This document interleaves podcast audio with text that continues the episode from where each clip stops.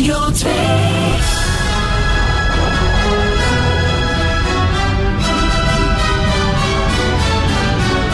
De Zoete Inval, het legendarische spelprogramma van Radio 2 met Luc Appermond.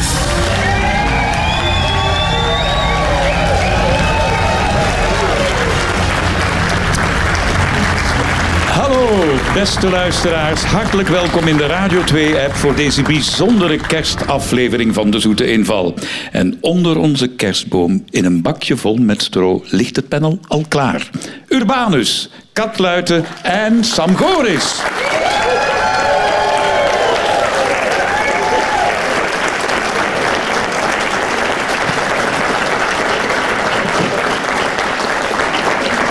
Alvast een eh, vrolijk kerstfeest, iedereen. Dank u. Hoe was kerstavond, Urbanus? Ah, de laatste, ja, dat was een gewone kerst, gewoon gegeten met de familie. Maar de leukste was toch als ik zo nog naar school ging, eh, moest ik een kersttoneelstukje spelen en ik was verliefd op Mariake. Dat was het mooiste meisje van, van de klas. En op een gegeven moment lag ik met dat meisje in, het kribbeke en die had zo'n brilletje. Hè. En eh, we waren zo aan het kussen en die nam haar brilletje af. En ik zei, oh Mariake, zonder bril zet je veel mooier. En zij zei, jij ook. Kat, wat stond er bij jullie op het menu? Ehm, kalkoen. En, en, en, en omdat ik zo hou van kerst in de films, eindigen wij ook altijd met whisky. En mijn sigaar. En ik voel die precies nu nog een beetje. En bij jou? eh, Eh, wij hadden een samengesteld menuke, zowel bij, van mijn schoonouders, mijn ouders, als eh, mijn vrouwke, mijn schoonzussen. Dus dat was een fameuze menu. En wie Dat kookt dan? Eh, zowel mijn schoonmoeder als Iedereen mijn moeder. brengt een Oh, ja, gerecht ja, mee. Ja, ja, ja. En het was wederom eh, zeer gezellig en lekker. Mhm. En ik heb eens geen kater. Je zou het niet zeggen aan mijn gezicht, maar dat is omdat het zo vroeg is. Ja. Op kerstmis is Kinneke Jezus geboren en daarom spelen we heel toepasselijk voor de VZW Moeders voor Moeders. En die kennen we van de Vondelingenschuif, hè. maar die doen veel meer hoor. Die helpen ook gezinnen met jonge kinderen die het financieel moeilijk hebben. Per juist antwoord gaat er 100 euro naar Moeders voor Moeders. De eerste vraag is een vraag van Gilles van Himschoot uit Eken. Wat doen grootvaders in Slowakije traditioneel na het dessert op kerstavond? Hun broekspijpen oprollen en op tafel dansen. Nee. Nee. En ook niet in slaap vallen. Ah, ja. Is, is het zoiets zo- zoals in Rusland, dat ze met servies gaan gooien of zo? Nee, niet met het servies gooien, Heeft het- maar het servies heeft er wel... één onderdeel althans van het servies heeft er iets mee te maken. Glazen kapot gooien. Nee. Een soort Geneverke Nee, binnenkappen. nee, nee. Ze wassen voor een keer af, de borden. Nee. nee. Heeft het het, het is eigenlijk niet servies, het is het bestek. Het bestek. De Een, vork. een in grootmoeder haar rug steken. Gezellig kerstfeest. Nee, nee, nee. Het is niet de vork, het is... Met, de, met een lepel. mes. Een lepel komt erbij kijken. Ah, en wat moeten ze dan doen? En dat gebeurt bijna in alle gezinnen in Oh, Slowakije. zo, zo op, hun hun neus. neus. plakken. Ah, nee. nee, Nee, nee. nee, Ah, nee. een Ze, lepel. ze doen er iets in. En dan moeten ze daar iets mee doen. En, dan, En als dat lukt, dan hebben ze een gelukkig jaar. Ah, zo die Oh, ja. in hun mond met een eitje op en daar dan mee rondlopen. zo. Nee, nee dat, Wacht, dat hè. is wat wij allemaal kennen. Maar het is iets typisch in Slowakije. Ik heb het hier Is nog het nooit iets gezien. vloeibaar dat ze in de, de lepel doen? Medium. Het, het is... eh, Crème fraîche? nee. eh, Is het iets zoet? ja, eh, je kunt dat hebben in vanillesmaak, in chocoladesmaak. Gewone Pudding. Pudding? Juist. Dus Dus, pudding je in hebt de al een lepel? je hebt al pudding en nu moeten die grootvaders met die pudding in die lepel iets doen. Met, met de lepel in de pudding gaan en dan zo in hun mond laten schuiven? Nee. Oh, ik wil u dat zien doen, Sam. Ja? Die, die pudding omhoog wippen dat hem op hun kop valt. Niet op de kop. dan Tegen de lamp. tegen een plafond en dan opvangen met een top. Ja, en als die dan... Naar beneden komt. Dan heb je een slecht jaar. Maar het is goed geraden Oh, mooi. door Kat. Ja, Ze gooien met een lepel pudding tegen het plafond. Hoe meer de pudding blijft plakken, hoe meer geluk je zal hebben in het nieuwe jaar. oh, mooi. Ja. Basisingrediënten van die eh, pudding in Slowakije, ze noemen dat de loksa-pudding, zijn brood, maanzaad, water en honing en soms ook nog een beetje citroen en een beetje zout. Er zijn heel wat opvallende kersttradities. In Noorwegen bijvoorbeeld gaan de mensen alle borstels die ze thuis hebben, veilig opbergen om te voorkomen dat heksen en boze geesten daarmee wegvliegen. In Duitsland, dat vind ik ook een heel leuk idee, daar verstoppen ze op eh, kerstavond een augurk in de kerstboom en het eerste kindje dat zanderendaags morgens de augurk vindt, krijgt een geschenk. Oh. Ik heb bij ons een hek zien voorbijvliegen op een stofzuiger. nou, die zijn ook moderner, hè. Maar ja, het En dan hier nog een augurk in de romont ook zeker. Ah, ja, ja. Hebben jullie tradities met kerstmis zo dat thuis altijd vaste stek is? Ja, mijn grootmoeder die maakte, ze is helaas deze zomer gestorven, maar die maakte tot haar 94ste zelf koekjestaart. Zo met van die petit burkjes. Ah, ja, ja, zo laagjes. Zo laagjes. En was er tot dan haar ook drank in? Nee, dat was niet nodig. Wij gingen vanzelf wel op tafel dansen. Maar ze heeft dat tot haar 94ste gemaakt. Oh, Ja, en nu zetten wij de traditie verder. En pakjes, komen die daar ook bij kijken? Absoluut, ja, ja. Voor iedereen een geschenkje kopen. Hè. Ja. Ja, ja. Zij dan ook voor jou? Eh, eh, ja, ja, ja, maar ik geef lever. Ik geef lever cadeautjes. ik, ben niet zo, ik ben altijd een van de laatste moment. Zo de 24e voordat de winkels gaan sluiten, dan ga ik mijn commissies doen voor iedereen. Ja. Dus het was stress gisteren. Het was, ja, maar ik weet op voorhand goed wat ik moet hebben. Hè. Het is aan mij ook dat ik tegen het sluitingsuur ga. Dan zijn de meeste mensen al naar huis met de voorbereidingen bezig en zo. En dan is Bebeke daar. Dan kom ik de winkel binnen. Dus die ambetantrik aan alle winkeliers. Die ambetant de laatste klant. Dat ben ik. Als je mij niet herkent met mijn mondmasker op, Ja. dat was Bebe. Welk pakje heb jij gekregen? Een boek van Urbanus. Oh, kijk, Ja. dat is een mooie cadeau. Die lag onder de, de kerstboom. Dat was een van de geschenken dat ik gekregen had. Ja, had ik nu geweten dat ik hier vandaag met eh, Urbanus ging zitten, dat ik me een boek laten kunnen laten signeren natuurlijk. Hè. Maar ja. Maar weet je wat, ik zal een handtekening op die muur hier zetten. Pak dat dan maar mee. Dat is heel vriendelijk van u. Heel sympathiek. Kat, waren er pakjes bij jullie? Is dat ook traditie? Eh, ja, en wij doen ook altijd foppakjes. Eh dus dat zijn, iedereen moet twee pakjes kopen van 2,5 euro. Dus al heel moeilijk om iets te vinden voor 2,5 euro.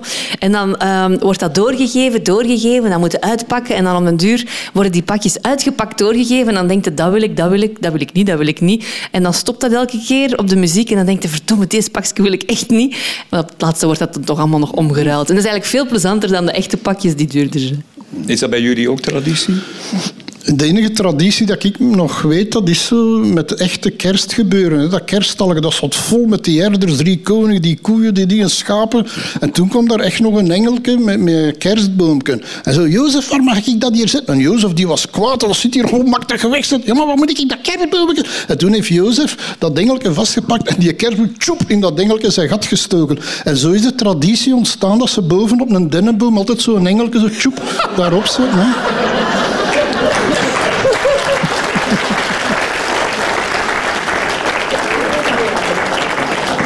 Ik was daarbij. Tweede vraag. Een vraag van Ineke van der Wallen uit Zwijndrecht. Zijn jullie naar de middernachtmis geweest? vraagt ze. Aan de gezichten te zien. Driemaal nee. Oké. Ik denk Dan- dat de pastoor zelfs ermee gaat. Als je geweest was, Urbanus, dan had je misschien eens naar boven gekeken en dan had je gezien dat op de kerktoren bovenaan de haan stond. Waarom staat daar een haan op de meeste kerktorens?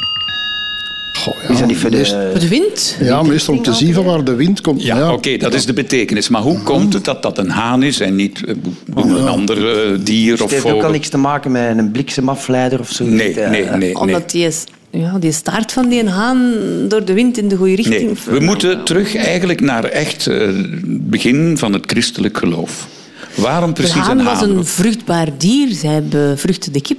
Ja, En, maar toen nog niet. en het Of een beschermen, om hen te beschermen, een beschermende functie. Kennen jullie het Nieuwe Testament? Nee, maar jij ook niet, Luc.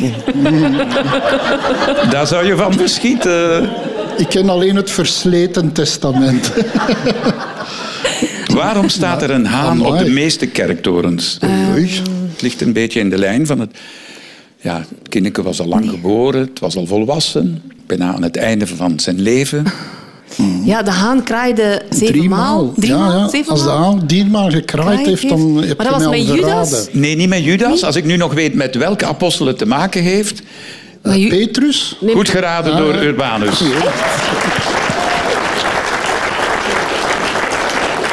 Die haan die moet de gelovigen door de eeuwen heen herinneren aan de geschiedenis van Petrus. Want inderdaad, volgens het evangelie heeft Petrus, toen Jezus gevangen genomen werd door de Romeinen, hem drie keer verraden voordat de haan kraaide. Jezus had dat zelfs voorspeld aan Petrus. Hij had gezegd, jij gaat dat doen. Petrus ontkende dat.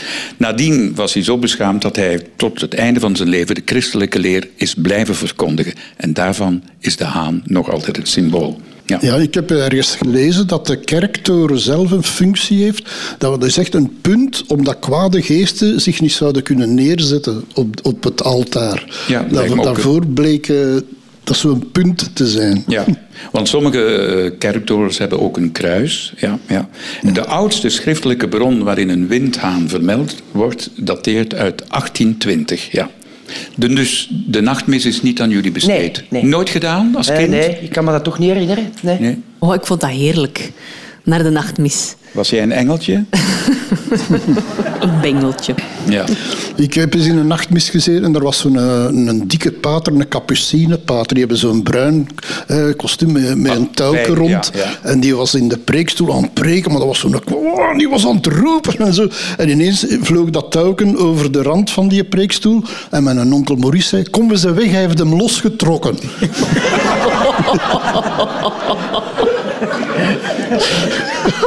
De derde vraag komt van Dunia Sabri uit Zelzaten. Goedemorgen.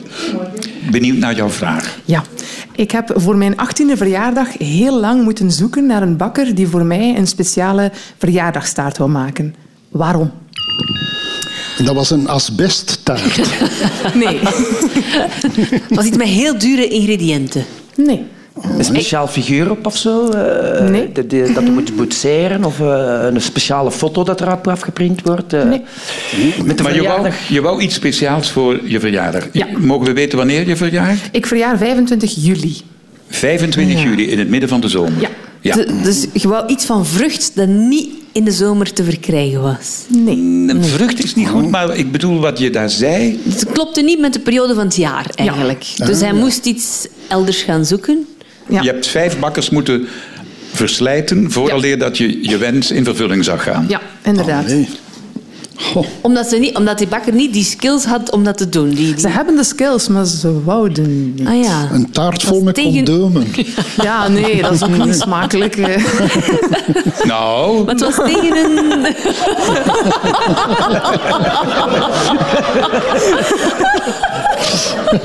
Tuttenfruit. Oei, oei. Oké, maar het is wel dat er iets op die taart gezet werd, of, of in die taart, dat specifiek voor jou een belangrijke betekenis heeft. Eh, ja. Ja, maar de bakker en- vond dat erover. ja, Ja. dat zou je kunnen zeggen van die vier vorigen, die wilden dat niet doen. Die vonden, waar kom jij nu mee af? Ja, inderdaad. Ja. Maar je was 18 en je wou iets speciaals. Ja. Was jij een beetje een dwarsligger? Zo? Ja, maar nog hoor. Maar, Oh, ja. Luc, zou, zou jij ze gelust hebben, haar taart? Dat denk ik wel. Maar ik zou het heel vreemd gevonden, stel dat ze mij uitnodigt om een stukje taart op haar 25e vre- eh, juli te komen eten, dan zou ik denken, nu? Een ijstaart? Nee. Kerststroom? Ja, kerststrong. Te laat!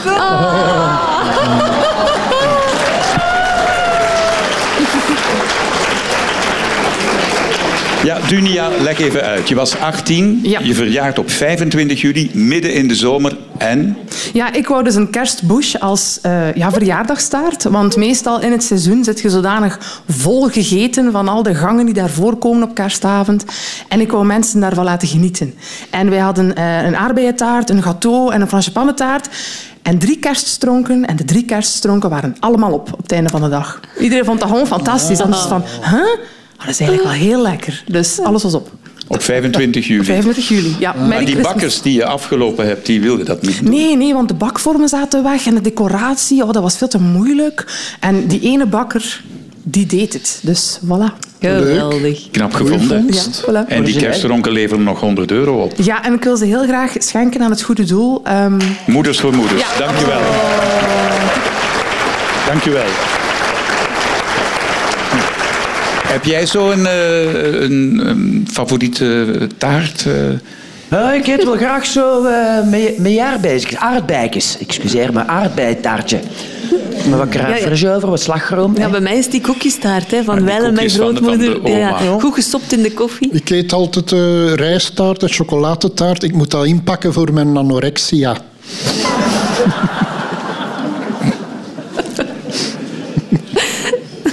De vierde vraag. Een vraag van Jonas Verhasselt uit Isegem. Heel korte vraag. Wat is het doorway-effect of het deur-effect? Deur-effect? Uh, dat heb ik meestal uh, veel problemen mee als ik uit de kroeg kom. dat ik de deur niet goed meer open krijg, of dat ik erop loop, uh, of de kamer van de deur niet meer vind. Dat, dat, is bij mij het deureffect, maar ik denk dat dat niks met uw vraag te maken heeft. Nee. nee. Ehm, het deureffect. Ja. Iets dat, dat open gaat en dicht. Nee, en dat nee. ik denk dat wij allemaal hier en thuis uh, alles te maken gehad hebben met het deureffect. Uh, we zitten in een bepaalde kamer en dan?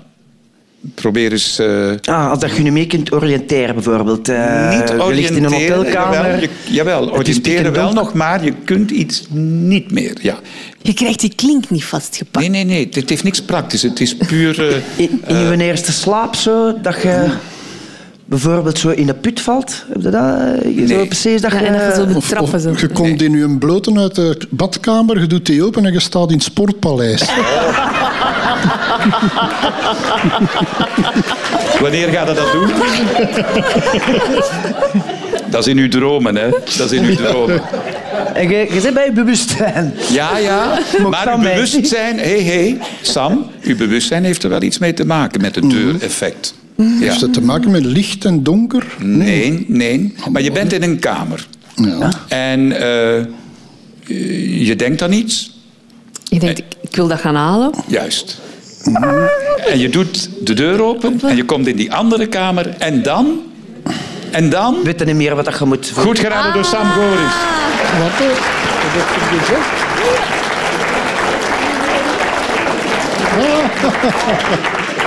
Oh, ja. Hebben we toch al allemaal meegemaakt. Hè? je bent in een bepaalde kamer en je denkt, god, ik moet iets gaan halen. Je gaat door een deur en plots sta je daar en denk je, wat kwam ik hier eigenlijk doen? Ja, maar ik heb daar geen deur voor nodig. ik, heb, ik heb dat regelmatig, hoor. Ik heb dat ook met een venster. of dat je zoiets wilt vertellen en je begint en je weet niet meer over wat ja, je bezig klopt. Maar dat heeft alles te maken met de werking van onze hersenen. Wanneer je een nieuwe kamer binnenloopt, bereiden onze hersenen zich spontaan voor op de nieuwe situatie waar je ah, in terechtkomt. En daardoor zijn ze geneigd het vorige te vergeten. vergeten. Mhm. Ja, ja, ja. Iets gelijkaardigs gebeurt ook bijvoorbeeld wanneer je aan iets denkt en de bel gaat en je bent plots kwijt waaraan je dacht of wat je moest doen. Toch? Of, of, of je zoekt je bril en je hebt hem gewoon op je neus staan. Ja, gebeurt ook. Ik heb daar regelmatig allemaal voor. Ja, hè? Ik ken dat. Ja. Ja, ja, ja, ja. Deze ga ik nu onthouden, zijn. Deureffect. Ja, oké. Urbanus, jij schreef onlangs je biografie. Oh, ja, dat is waar. 500 bladzijden. Wat ik me nu afvraag, ben je dat niks vergeten? Hoe kun je dat allemaal onthouden? wat is jouw systeem? Wel, uh, ja, dat is een van mijn gaves. Alle, stel uh, dat alles hier perfect verloopt, dan ben ik dat binnen drie kwartier vergeten. He, maar stel, jij krijgt hier een kasseisteen op je kop, dan weet ik dat binnen twintig jaar nog. en, uh, Luc ook, Luc ook. En zo, nee, maar allemaal plezante anekdotes, dat blijft in mijn hoofd zitten. En de moeilijkheid was om dat allemaal wat geordend en chronologisch te krijgen. Maar het is niet zo dat je van af het begin in je carrière alles genoteerd hebt wat er allemaal voorviel? Nee, nee. Mijn, eh, mijn reis eh, naar eh, Nepal en terug, dat was al een boek op zijn eigen. Daar had ik een, een, notitie van gemaakt. Ja. Maar van al de rest niet. Maar ja, je kunt zo vrienden vragen en familie. En uh, ik ben ook wel al honderdduizend keer geïnterviewd geweest. Dus je kunt dat in al boekjes wel terugvinden waar het precies was en, en hoe. Ja. Ik weet, de meeste dingen wist ik nog vaag, maar voor de details moest ik dan gaan zoeken. Hè. En ik heb regelmatig op mijn zolder uh, Holmes gesherlocked om van alles terug te vinden. Zo. Voor onze volgende muzikale gast is het alle dagen kerstmis, want hij ziet ieder concert als een cadeautje dat hij mag uitpakken. Bart Peters.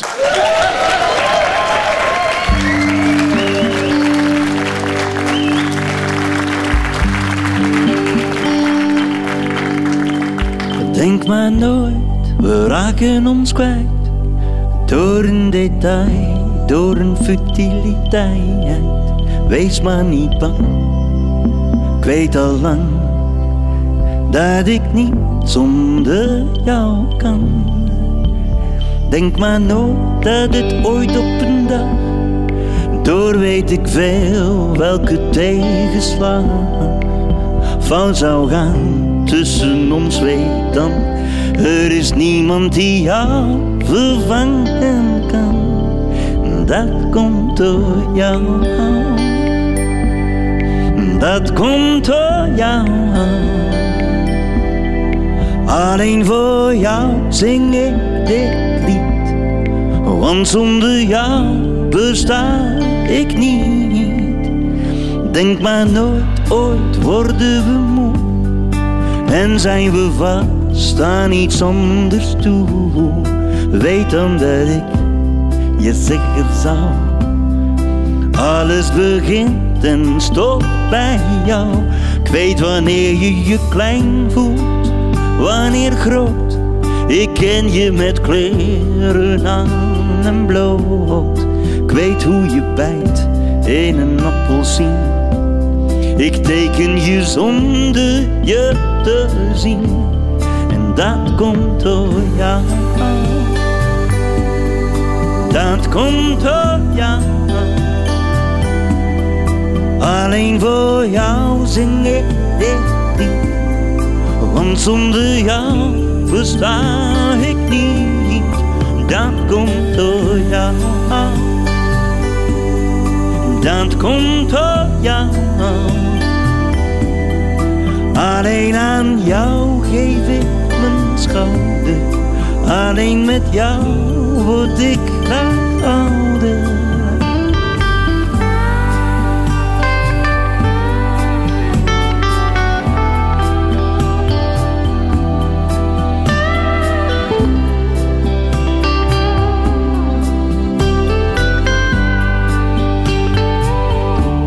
We kopen een huis met een dak en met pannen.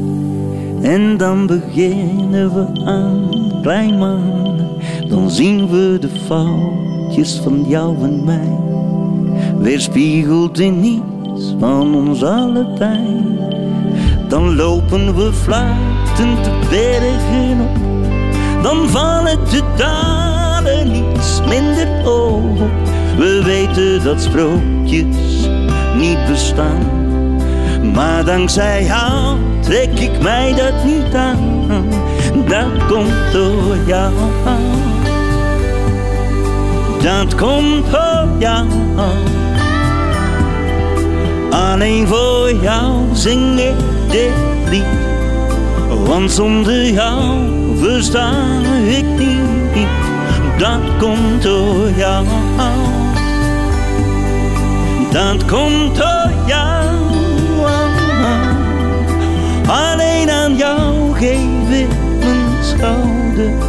Alleen met jou word ik graag ouder. Dat komt door jou.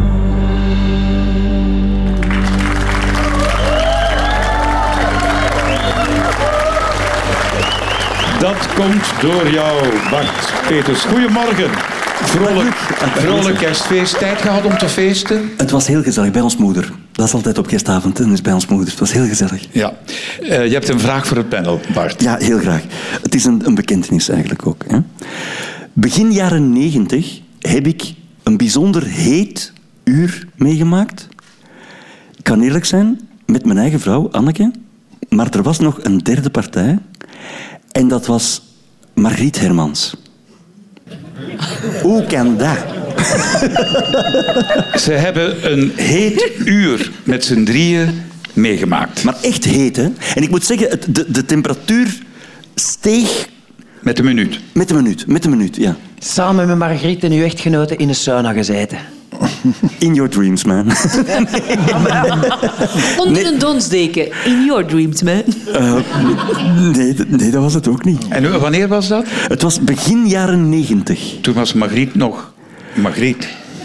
Margriet was toen nog met tweeën, zal ik maar zeggen. Met twee Margrieten. Ja, ja, ja. Dus jullie waren met vier. Nee, nee, nee, nee, we waren met drieën. Je zat in de woestijn opgesloten of zo, in de zon. Nee, je zet er zelfs ver af. Je zet er ver af. Was het voor, Dus jullie een, wa- ah, Je moet niet zo ver gaan, hè? Nee. was het voor een televisieprogramma? Iets met Margriet aan zee? Of, eh, We, we waren daar toevallig voor een televisieprogramma, maar daar had het eigenlijk niks mee te maken. jullie zaten vast in een kleine ruimte. in een lift. Ah, in de lift. in een lift. Goed geraden. Het is fantastisch in, in samenwerking natuurlijk. ja. hè. Kat en Sam. Kat Luiten, Sam Goris hebben het geraden. Maar je moet nu wel even de context Ja, schetsen. het was namelijk zo. Wij deden een programma in de mooie stad Brugge. En dat werd gepresenteerd door mij en Margriet Hermans. En Anneke was meegekomen omdat dat gezellig was. Schoonstad, Brugge enzovoort. En Brugge wilde uitpakken, want die hadden een nieuw hotel. Ik ben- Ik ben de naam vergeten. Maar in dat nieuw hotel was er dus duidelijk iets met de lift. Dus wij stappen in die lift.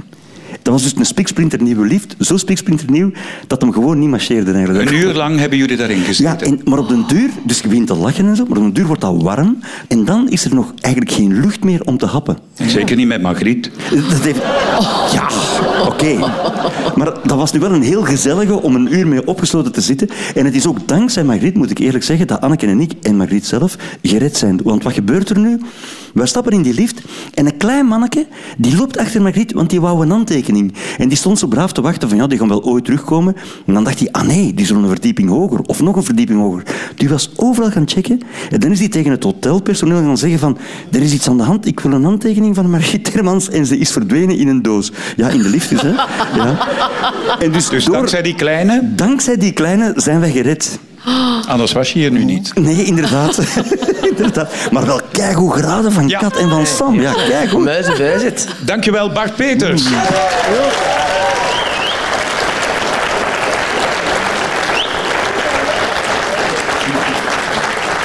Zelf ooit vastgezeten in een Ja, lift? ik, ik heb hetzelfde meegemaakt in, als ik meespeelde in de film van Megamindi.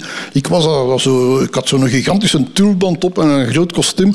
En dan moesten wij... Ze hadden mij in een put gesmeten. En dan in de studio was dat een, een bak met water. Maar die jongens hadden dat water opgewarmd. Maar wij zaten er alle drie in. eh Megamindi, Ikke en, en eh haar vent. Toby. Toby. Maar zie, in een bad zit je nu een blote, maar wij hadden ons kleren aan en wij raken daar alle drie verhit. Wij, wij konden niet afkoelen. Hè. En op een gegeven moment waren wij daar aan het versmachten.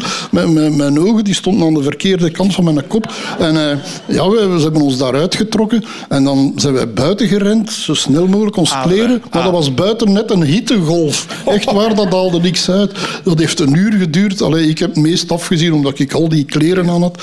Maar ik heb dat ook meegemaakt. Zo echt een met Megamindi. Alleen maar Megamindi die kan dus niet iedereen redden. Hè? Nee, blijkt duidelijk niet. Hè? Vandaag de gast in ons panel Urbanus, Katluiten en Sam Godes. Zesde vraag. Een vraag van Fanny Misplon uit Tielt. Niet alleen The Sound of Music is deze dagen op verschillende zenders te zien. Ook de Harry Potter films worden tijdens de feestdagen dikwijls geprogrammeerd. Nu komt de vraag van Fanny. Hoe zorgden ze ervoor dat de acteurs bij Harry Potter niet snoepten tijdens de opnames? Want dat waren jonge gasten, maar er was er eentje van, eh, die witharige, Draco Malfoy. En de acteur heet Tom Felton. Die stond bekend als een echte snoeper. Ja, Eh, letterlijk dan, hè, Ja, figuur. dat, zijn- dat zijn tandjes ervan gingen uitvallen en dan mocht hem die rol niet meer spelen. Nee, nee, de, de productie had gezorgd dat die jonge snaken eh, niet eh, stiekem een snoepje mee konden pakken op de set. Het was een heel eenvoudige maatregel, maar die heeft wel gewerkt. Want die hadden ook allemaal mooie kostuums aan hè, in die tijd. Dat zie je wel. Hè. In die school daar, die moesten allemaal speciale uniformen dragen. En daar moesten ze ook zorg voor dragen. Ja. Ik ga het niet te ver zoeken. Nee, nee. Iemand met onverzorgde tanden laten zien eh, en een foto van hem ook. Nee, maar bijvoorbeeld de tanden, dat was een van de redenen dat eh, daar niet een stukje snoep eh, tussen de tanden zat als er een close-up kwam. Dus om dat allemaal te voorkomen, heeft de productie iets gedaan voor die acteurs. Alleen de acteurs. Hè. Eh, Dat dus, was allemaal snoep met een vulling. die. En als die vulling dan op die kleren zou komen, dan... ja, dus om dat te voorkomen, wat deden ze? Zorgen dat die Pavetten? acteurs geen snoep konden meepakken op de set. En hoe deden Geen ze zakken. Wat deden ze Geen met de zakken? Gaan dichtnaaien. Dichtgenaaide zakken. Goed geraden op aangeven van Sam Goris.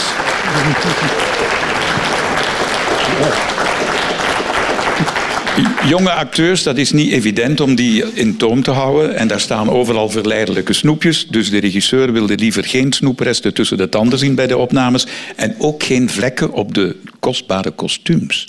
En daarom beslisten ze om alle zakken van al die kostuums dicht te naaien. Zodat ze niet stiekem een tuttefrut of iets dergelijks konden mee. Maar die kon nog in de prei en geen najuin ook meenemen, toch? Met, met dichtgenaaide Ja. zakken. Ja. Zijn jullie fans van de Harry Potter films? Heb je die gezien? Eh, allemaal niet, maar ik heb er zo toch twee of drie zien passeren, zo de revue bij ons thuis. Ja. Er zijn acht films hè, van de boeken. Ben jij een Potter? En wel, fan? mijn zoon Bill, ik denk dat hem toen een jaar of negen was, was een gigantische fan. En we waren op vakantie in Amerika en je hebt daar een, een attractie in de Universal Studios. Ja. En ehm, we kwamen eerst voorbij The Walking Dead. En hij zei, ik wil daarin, ik wil daarin. Ik zeg, dat is veel te griezelig. Ja, en eh, hij is daarin gegaan en is daar compleet ondersteboven uitgekomen. En ik denk dat wij een uur in dat park waren. Dat had ons 700 dollar gekost. En toen wouden we hem al terug naar het hotel. Dus we hebben de attracties van Harry Potter uiteindelijk niet eens kunnen doen. Ja, Dus het was ja. een dure uitstap. Ja. Ben jij een... eh, Nee, ik ben nooit gegaan. Ik zeg, die hoofdacteur, dat is een met een bril, daar ga ik niet naar kijken. Zei ze. Ja, je moet nogthans weten dat van eh, de boeken, de Harry Potter boeken, meer dan 500 miljoen exemplaren zijn verkocht. En dat is vertaald in 69 talen. Ja. Oh, mooi. Urbanus, moeten nog wat boeken verkocht worden? Ja, mijn eerste druk was eh, op een dag of drie weg. Oh, mooi. Maar ja, de meesten die zeggen mijn eerste druk, maar ze hebben er 27 laten drukken. Bij mij waren het er 5000 en die waren op een paar dagen weg. Ja, dat geloof ik graag. Ja.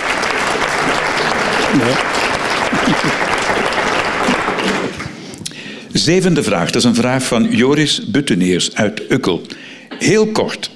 Hoe zorg je ervoor dat je koffie beter smaakt?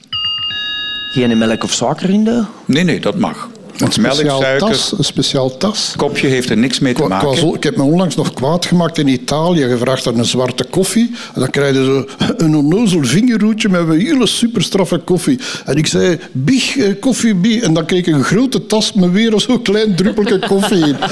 Je moet in Italië zeggen, eh, americano. Dan krijg je daar een tasje een heet water bij. Ja.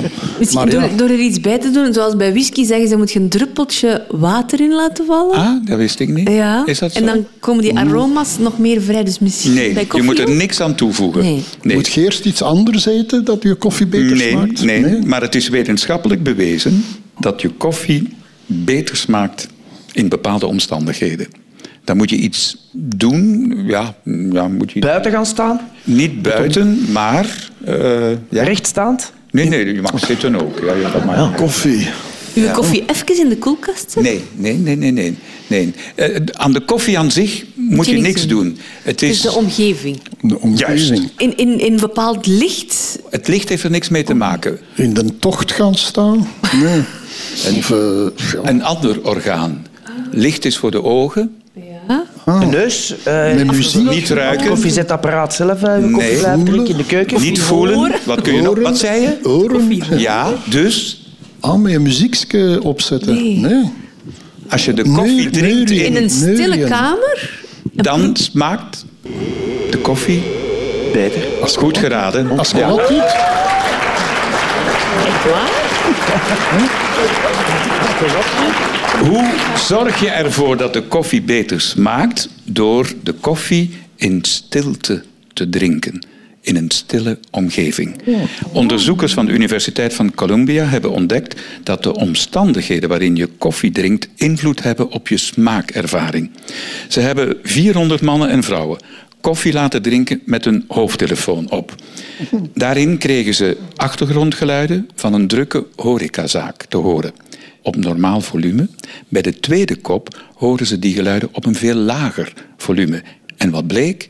Iedereen vond de tweede kop koffie lekkerder, smaakvoller. Zelfs dachten ze dat die koffie duurder was en van betere kwaliteit. En het was dezelfde koffie, maar het is alleen het achtergrondgeluid dat invloed had op de smaak. Allee. amai. Allee. Ja. Dat gaan we een keer testen. Hè. Ja, jij? Ja, maar het blijkt dat wanneer we veel lawaai horen, we minder gevoelig zijn voor andere prikkels. Dus hadden wij nu een koffie gedronken terwijl dat Bart Peters aan het zingen was, dan had hij totaal niet gesmaakt. Nee, totaal niet. Totaal niet. Maar ik heb me ook laten vertellen, bijvoorbeeld als je bloed gaat geven en ze prikken voor je bloed, dat veel verpleegsters of dokters dan jou aan de praat houden. Omdat je dan afgeleid bent van de eventuele pijn van de prik. Daarom praten ze tijdens het bloed Ah, ja, ja, ja. aftappen. Ja, maar dat geloof ik. Ja, ja.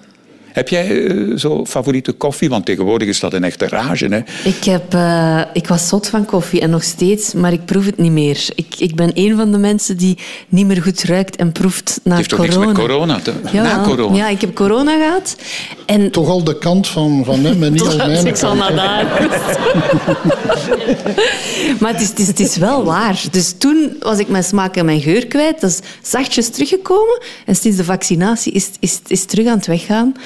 En eender welke koffie, alles smaakt hetzelfde. Het is, het is, ja, dat is niet zo leuk Dat is eigenlijk. niet, ja, dat is jammer. Bij mij, eh een tas kop koffie, dat smaakt altijd. Dat is het eerste dat ik moet hebben als ik uit mijn kijfje kom. Eh mijn goeie zatte koffie. Maar geen cappuccino of... Eh, dat blijft zelfs als ik mijn koffietje maar heb. Elke keer, dat was ook goede koffie. Dat maakt me allemaal niet uit.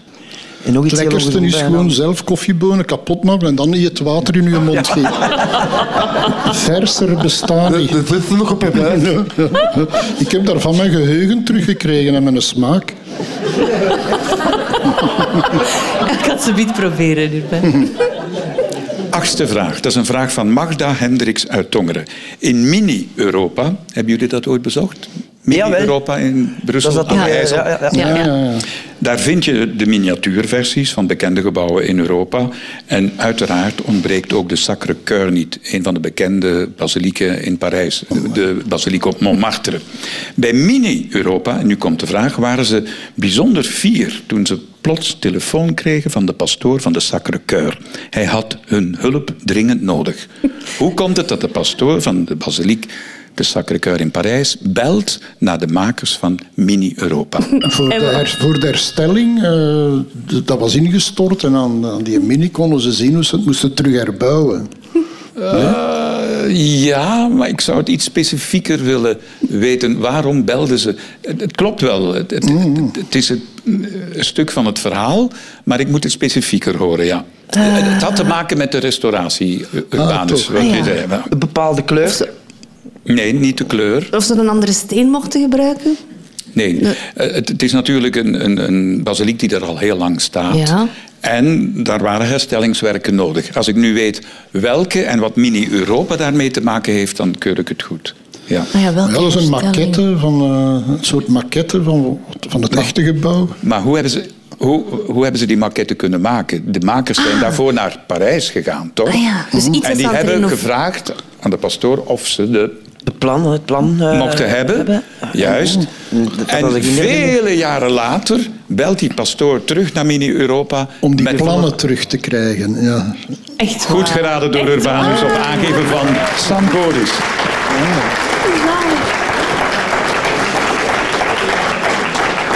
Want wat bleek, de ramen waren stuk en ze moesten nieuwe ramen steken. Maar ze hadden die originele plannen niet meer. En toen bedacht de pastoor, ja maar wacht eens, die mannen van Mini-Europa zijn hier geweest en die hebben een kopie gemaakt van mijn originele plannen. En dan heeft hij teruggebeld, mag ik die nog eens terug hebben? En zo heeft hij de berekening kunnen maken voor de nieuwe ramen. Dat die pastoor dat zelf niet zag dat dat gotische ramen zijn. dat zie je toch zo? Ja. Dat dat geen vitrine is van eh, een supermarkt. Maar je weet dat Mini-Europa eh bijna gesloopt werd. Hè. Daar is een tijdje sprake van geweest dat we dat gingen opdoeken. Maar is er nog, hè? ja, het is er nog altijd. Het trekt nog altijd 400.000 bezoekers per jaar. Hè. Oh, mooi. Ja, de helft komt uit het buitenland. Veel Japanners. Maar nu met corona zal dat wel minder zijn. Hè. Ben je ooit in de Sacré-Cœur geweest op Montmartre? Nee. Nee, maar Nee. goed ook, Sam, want dan moest je 222 trappen beklimmen. Hallo? Ja. Ik wou net zeggen, maar wel op die trappen gepicnict. Dat heb ik wel. Dat is wel mooi, ja. Negende en voorlaatste vraag, een vraag van Walter van Hifte uit Ursel. Een van de opvallende dingen dit jaar was de Maai Mei Niet-actie. Oh ja. Ja. Dat ken jij, Sam? Ja, ja. Laat het Ja, ja. gras Dat maar groeien. ja. Jij was een trendsetter eigenlijk, hè? Ja. Twintig jaar geleden. Ja. Maar in Noord-Holland hebben ze zich niet gehouden aan die regel. Integendeel, daar hebben ze ervoor gezorgd dat de bermen altijd piekfijn gemaaid werden. Wat doen ze in Nederland met dat gemaaide gras? Dat is de vraag. Dus met het gras dat al afgedaan is. Ja, in de zomer. En dat komt nu goed van pas. Zweren ze dan niet tussen hun tulpen? Je hebt toch eh, heel veel tulpenweiden. Of ging dan naar een biofabriek om energie van te maken? Of Nee, laten geen energie, maar het ging wel naar. Nee, nee, het ging wel naar de enige fabriek ter wereld trouwens in Nederland waar dat gras dat gemaaid werd, werd binnengebracht. Om wat te doen? Om papier of karton mee te maken? Nee. Wietplantages? Nee. Maar dat moest wel direct... Dus dat werd in, de, in mei gedaan, dus dat moest dan ook wel... Pakt in juni werd daar al iets mee gedaan. Nee, nu pas. Nee, nu pas. Nu. Nu. Nu, met kerst. Ja. Ah, om de bakjes vol met stro te vullen, Urbanus. Ja, pakje vol met gras. Nee. Voor als het eh, gesneeuwd heeft, eh, iets met de sneeuw te maken. Ja, eh, Sam. Ja, Sam. Ah, ja. Ja, Sam. Strooien. En dat strooien De- in de plaats van Wat doen we met dat gras dan? In plaats van zout? strooien. Goed geraden op aangeven van Sam Goris. Amai.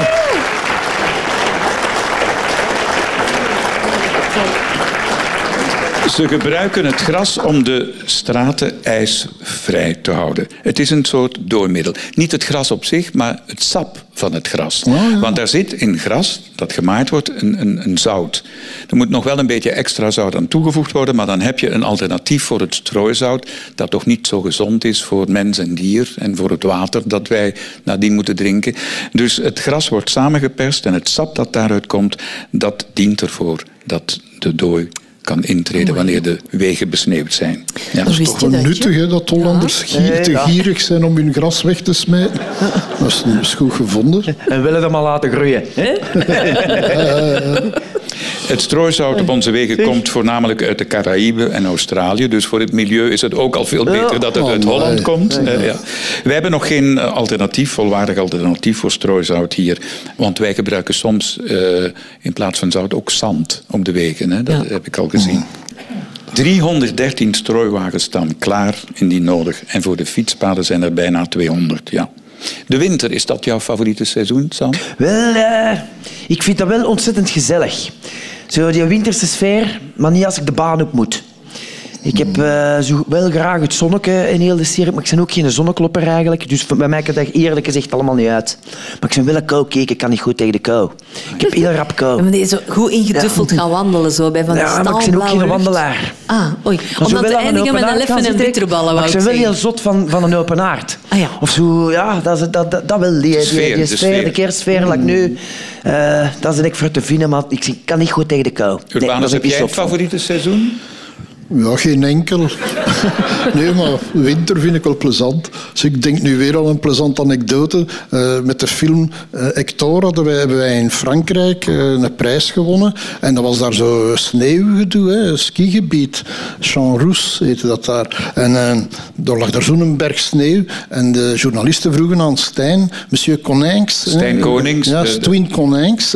Zet u bovenop die hoop. En we hadden zo'n trofee gewonnen, maar dat was een superzware eh, slagroomtaart. Want het was een eh humorwedstrijd. en eh, Stijn kruipt daarop. En Don wil trofee. En ik geef hem dat. Poef, en Stijn die zakt in, de, in die hoop van dat gewicht. hij was nog kleiner dan dat hij was van zijn eigen. Tiende en laatste vraag, een vraag van Veerle Tavernier uit Nieuwpoort. Kennen jullie het liedje Rudolf, het gekke rendier? Ja. Reindeer. Wat je daarnet gehoord hebt? Dat is een heel bekend kerstliedje, maar eigenlijk klopt er iets niet in de tekst die we daarnet gehoord hebben. Wat? Komt daar iets in over, over het vliegen? eh? Nee, het, eh, rendieren, ja, die konden wel vliegen, hè, want die trokken de kerstman eh, door. Hè. Eh, Maar dat had er niks mee te maken, dus... eh, nee, nee, niet met het vliegen. Nee. En de Maar- rode neus zal hem ook wel niet gehad hebben, maar... nee, maar rendieren beschrijven dus ja, dan. dat heeft zo van die horens, hè. Zo van die de kop. Ja. Oké. Ja, ja. En ze zingen allemaal Rudolf, het gekke rendier. Dus ze hebben het over een... Een kameel. Over een rendier zonder gewei? Zonder en met heeft ermee te maken. Iedereen denkt dat het rendier dat in december de kerstman meeneemt, dat dat... Rudolf is een naam van een... Nee, de, de, de man. Ja. Herman? Man? Nee, nee, van een man. Ja. Iedereen Ja, ja, heeft het over mannelijke rendieren. Maar het is een vraag. Rudolf, en wat blijkt nu? In december hebben mannelijke rendieren... Geen Ah, geen horens, ja, dan vallen die af. Ja, ja, dat is waar. Goed geraden door het voltallige panel. Omdat het kerstmis is, heb ik een handje geholpen. Want inderdaad, eh, iedereen heeft het over Rudolf. En de andere acht namen, ik ga ze u besparen. Ik zal er enkele zeggen. Dasher, Dancer, Prankster, Vixen. Allemaal mannennamen. En wat blijkt nu? Alleen de vrouwelijke rendieren houden in de maand december hun gewei. Mannetjes verliezen die al in de zomer. En die vrouwtjes maar zwoegen met zoveel kilo kerstman en cadeautjes. En iedereen heeft het over Rudolf, maar het is. Rudolfa. Hadden ze moeten zeggen. Dolfin. Ja, maar dat, dat is nu wel voorbij, hè, dat dat manneke met alle eer gaat lopen. Dat is nu wel voorbij. Dat is niet woke, Ja. Ik nou, van zijn lijven is eh, in Lapland. Heb ik daar zo eens in, in zo'n kar gezeten, zo dat u voor... Maar dat was met hutskies. Maar die liepen daar vol, hè. Dat konden ook... Nee, het was met hutskies. Dat wij- Maar er waren ook, kon dat toen ook met rendieren. Vond je dan het zit ik mooi? nog eens... Lapland vond je dat? Ja, heel schoon, maar ja, veel donker, hè. Je hebt maar weinig licht in een dag, hè. Dat is daar altijd donker, hè. Je hebt maar een paar uur licht op de dag, hè. Maar ik heb dat eens gezien. Ik vond ik dat heel, heel tof en gezellig. Urbanus, bent u ooit al in Lapland geweest? In Lapland, nee. Maar je hebt wel, Ja, je ik hebt wel een gewei aan de muur hangen thuis, nee? Nee, nee. Nee, nee, Kap- kapstok. dat niet, hè. Als jij de dag van morgen dat ik een gewei heb, eh, dan ga je een hartig woordje klappen met mijn kellyken. Hè? Leuk, eh, geen gewei op mijn kopsel. Ik heb thuis een gewijwatervatje aan de muur hangen. Wat een heerlijke kerstaflevering. Jullie waren echt in vorm. Jullie hebben alle vragen correct beantwoord. Dat betekent 1000 euro, het totale bedrag voor de VZW Moeders voor Moeders. Te danken aan deze drie koningen. Urbanus, Katluiten en Sam Goris. U thuis, bedankt voor het luisteren. Geniet nog van de feestdagen. Prettig eindejaar en graag tot volgend jaar. Benieuwd naar meer podcasts van Radio 2? Je vindt ze allemaal in de Radio 2-app. Download hem via app.radio2.be.